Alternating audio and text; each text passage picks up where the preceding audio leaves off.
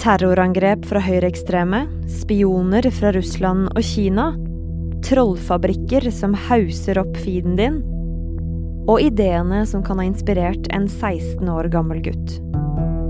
Her er noe av det sikkerhetstjenestene mener er de største truslene mot Norge. Du hører på Forklart fra Aftenposten. Jeg heter Anne Lindholm, og i dag er det onsdag 10. februar.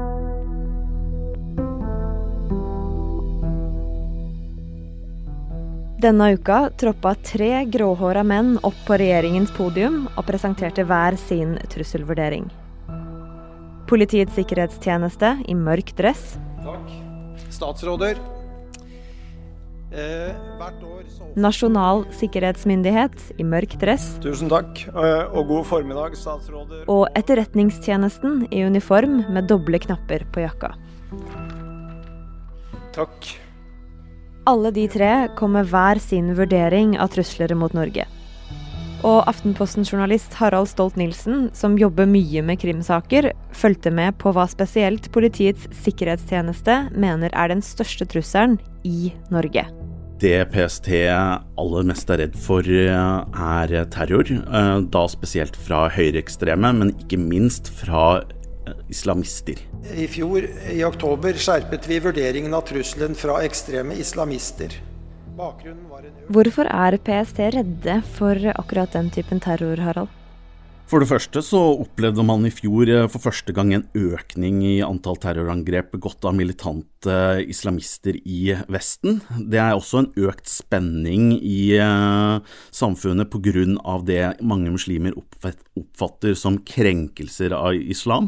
I tillegg så har man denne karikaturstriden som har blusset opp igjen. Samtidig så oppfordrer eh, en rekke terrororganisasjoner som IS og Al Qaida til nye angrep i Vesten. Så selv om vi har sett en økning i angrep i fjor, så er det viktig å påpeke at eh, ganske mange angrep eh, blir avverget av sikkerhetstjenestene.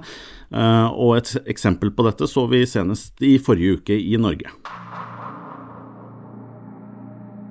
Denne historien eh, begynner da en eh, ung gutt fra Syria kommer til Norge gjennom familiegjenforening.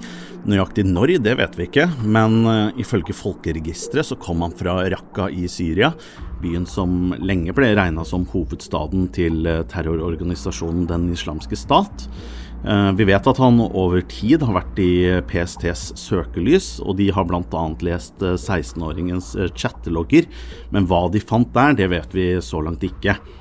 Men vi vet at eh, onsdag i forrige uke så kom PSTs eh, etterretningsavdeling over informasjon som var såpass alvorlig og urovekkende at eh, påtalemyndigheten, altså statsadvokaten, eh, mente at det var nødvendig å pågripe denne 16-åringen på torsdag. En 16-åring fra Oslo ble pågrepet i går. Han er siktet for forberedelser til terrorhandlinger. Politiet aksjonerte etter å ha fått foruroligende opplysninger. Hva er det PST mener den, denne nå nylig arresterte 16-åringen har gjort? PST mener at eh, 16-åringen har planlagt et eh, terrorangrep. De mener at eh, han skal ha blandet sammen gift. Vi vet ikke hva slags gift det er snakk om, men, ved, men ifølge PST så skulle han benytte seg av denne giften til å drepe de vantro. Uh, det er heller ikke umulig at han kan ha samarbeidet med andre, ettersom 16-åringen har chattet om dette med én eller flere personer på nett. Men 16 år, det er vel veldig ungt for å bli arrestert for terrorplanlegging? Ja, eh, etter det vi har klart å finne fram, så er han den yngste noensinne til å bli sikta i en slik sak i norsk sammenheng. Og guttens forsvarer sier at dette er helt unødvendig maktbruk fra PSTs side. Mm. Ja, for hva, hva sier han sjøl om eh, siktelsen? Gutten eh, kjenner ikke straffskyld, eh, og forsvareren mener at eh, de bevisene som politiet så langt har lagt frem, ikke er gode nok til å forsvare at en 16-åring skal bli satt i varetekt. Men truslene mot Norge handler om en god del mer enn hva som kan true sikkerheten innenlands. For hvor Norge ligger på verdenskartet, gjør oss nemlig ekstra utsatt.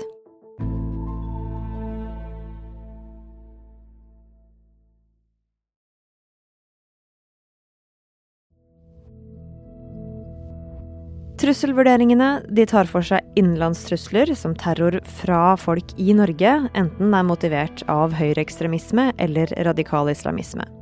Men det er snakk om mer enn det, ifølge Etterretningstjenestens mann i uniform, Nils Andreas Stensønes. For det første så vil trusselen fra etterretnings- og påvirkningsaktivitet vedvare.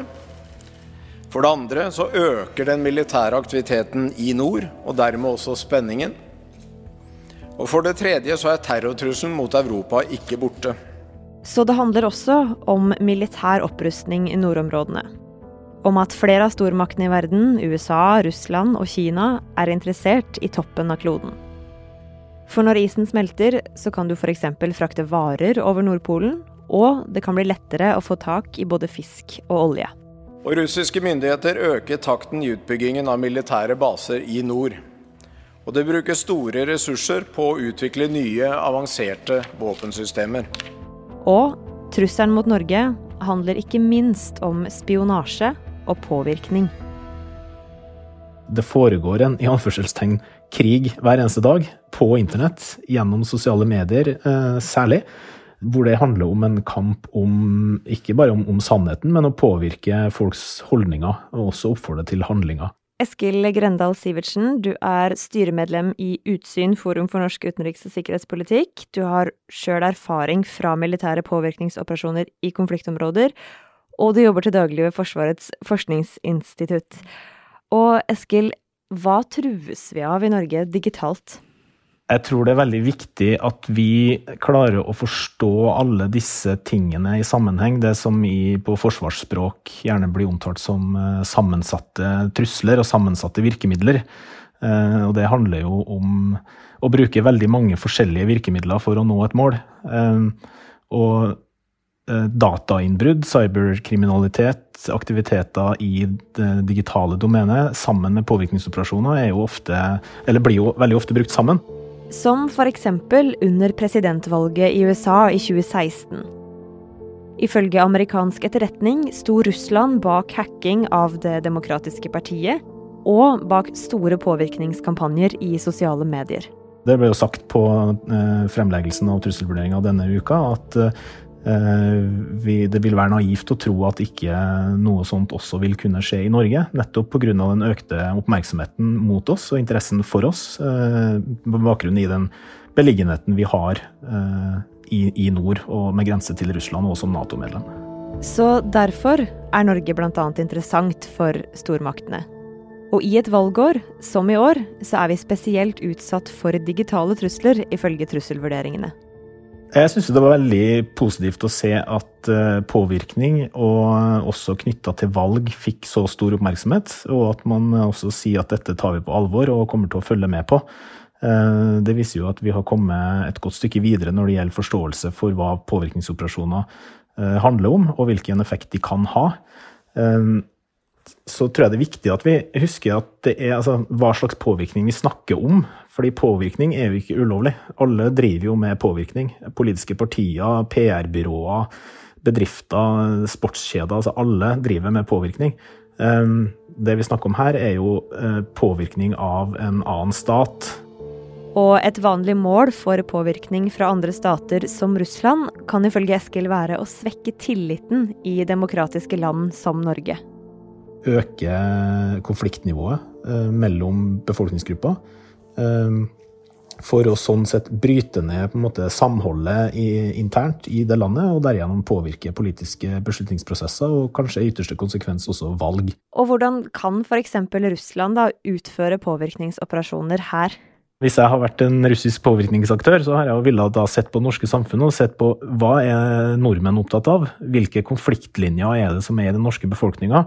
Og hvordan kan jeg gå inn og forsterke synspunktene og hardne til den konflikten gjennom å fyre opp begge sider enda mer? Hva oppnår du med det, da? Da oppnår du, altså Målet er jo ikke å få, få oss til å krangle mer. Det er jo egentlig bare et skritt på veien. Så det langsiktige målet sannsynligvis med sånne operasjoner, er jo å sørge for at vi får en økt polarisering i, i, i den forstand at, at, folk blir mer satt i sine leirer. At man eh, svartmaler den andre, idioterklærer motparten. Eh, at vi slutter å bli opptatt av å faktisk finne gode løsninger og forstå, eh, forstå den andre. Vi er mer opptatt av å slå hverandre i hodet og få rett. Og det ser vi jo uh, tendenser til, uh, uten at det nødvendigvis er representativt for, for den norske befolkninga. Hvis du går inn på kommentarfelt eller på noen debattsider på Facebook f.eks. og ser tonen uh, som går på f.eks. klima eller innvandring, så er jo den jo være, er jo veldig, veldig hard. Og bærer jo lite preg av to grupper som prøver å forstå motpartens argumenter. Men hva er det en fremmed makt som Russland da vinner på det? Jeg tror det er jo eh, på, på, to nivåer. Eh, nasjonalt nivå så er det jo, jo mindre enighet og tillit det er i Norge og blant i befolkninga, jo skjørere vil det politiske beslutningsprosesser bli. Eh, vår evne til å finne kompromisser eh, blir redusert. Eh, det blir, tar lengre tid og blir vanskeligere å, å, å fatte gode beslutninger på nasjonalt nivå. Men det store bildet her er også store overnasjonale organisasjoner, altså som EU, som Nato, som, er, som bare kan fungere godt hvis medlemslandene klarer å finne gode løsninger sammen. Så da blir vi svakere både nasjonalt fordi vi blir mer handlingslamma, men også i internasjonale avtaler fordi vi f.eks. ikke lenger vil forsvare hverandre da, og blir enklere mål hver for oss? Ja, rett og slett. Og i Norge som land og i Nato som forsvarsallianse så prøver vi jo å forsvare oss. Tidligere så har en del av strategien mot falske nyheter vært å poste avkreftelser på sosiale medier. Men noe av utfordringa er at en løgn har 70% større sjanse enn en sannhet til å bli delt i sosiale medier, i hvert fall ifølge en studie fra 2018. Så hvis noen skulle poste en løgn som f.eks. Nato vil avkrefte, så er ikke det bare bare innen de har fått på seg skoene, så har jo den, den, saken blitt etablert som en sannhet kanskje i mange miljøer, og du får ikke retta det opp. Så det vi snakker om i større grad i dag, tror jeg det som er mer relevant ved å gå, er, er å prøve å begrense effekten av påvirkning. Eh, man kan kanskje gjennom å regulere de store tech-plattformene, sosiale medier og bevisstgjøring og sånn, få til kanskje å få, altså, få ned omfanget av påvirkning. Ja, altså redusere mengden i feeden, rett og slett? Ikke sant. Um, men jeg tror også at vi må se på Prøve å forstå hvilken effekt er det en, eh, en aktør prøver å skape. Uh, og heller prøve å begrense den effekten uh, i målgruppa, fremfor å prøve å stanse påvirkninga.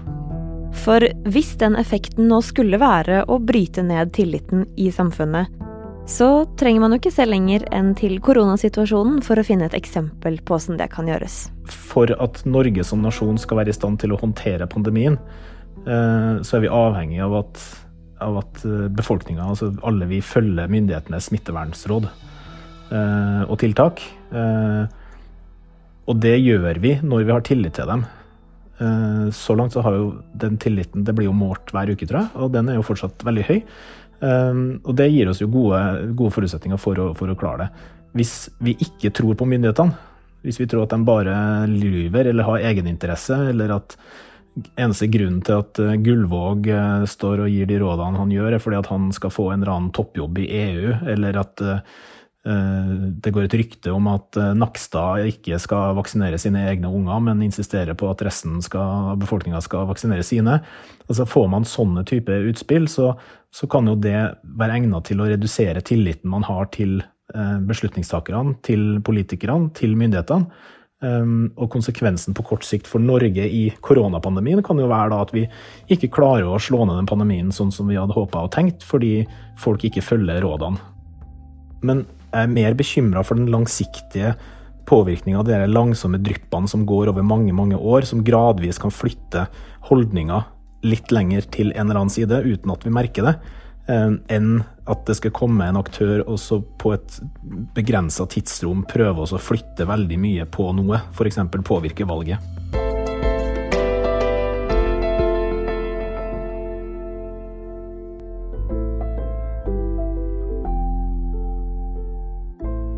Har du spørsmål eller tilbakemeldinger til oss i Forklart, send oss gjerne en e-post på forklart.aftenposten.no, eller send oss en melding på Facebook. Denne episoden er lagd av produsent David Vekoni og meg, Anne Lindholm. Resten av Forklart er Caroline Fossland, Marit Eriksdatter Gjelland og Ina Swann. Du har hørt lyd fra NRK og NTB.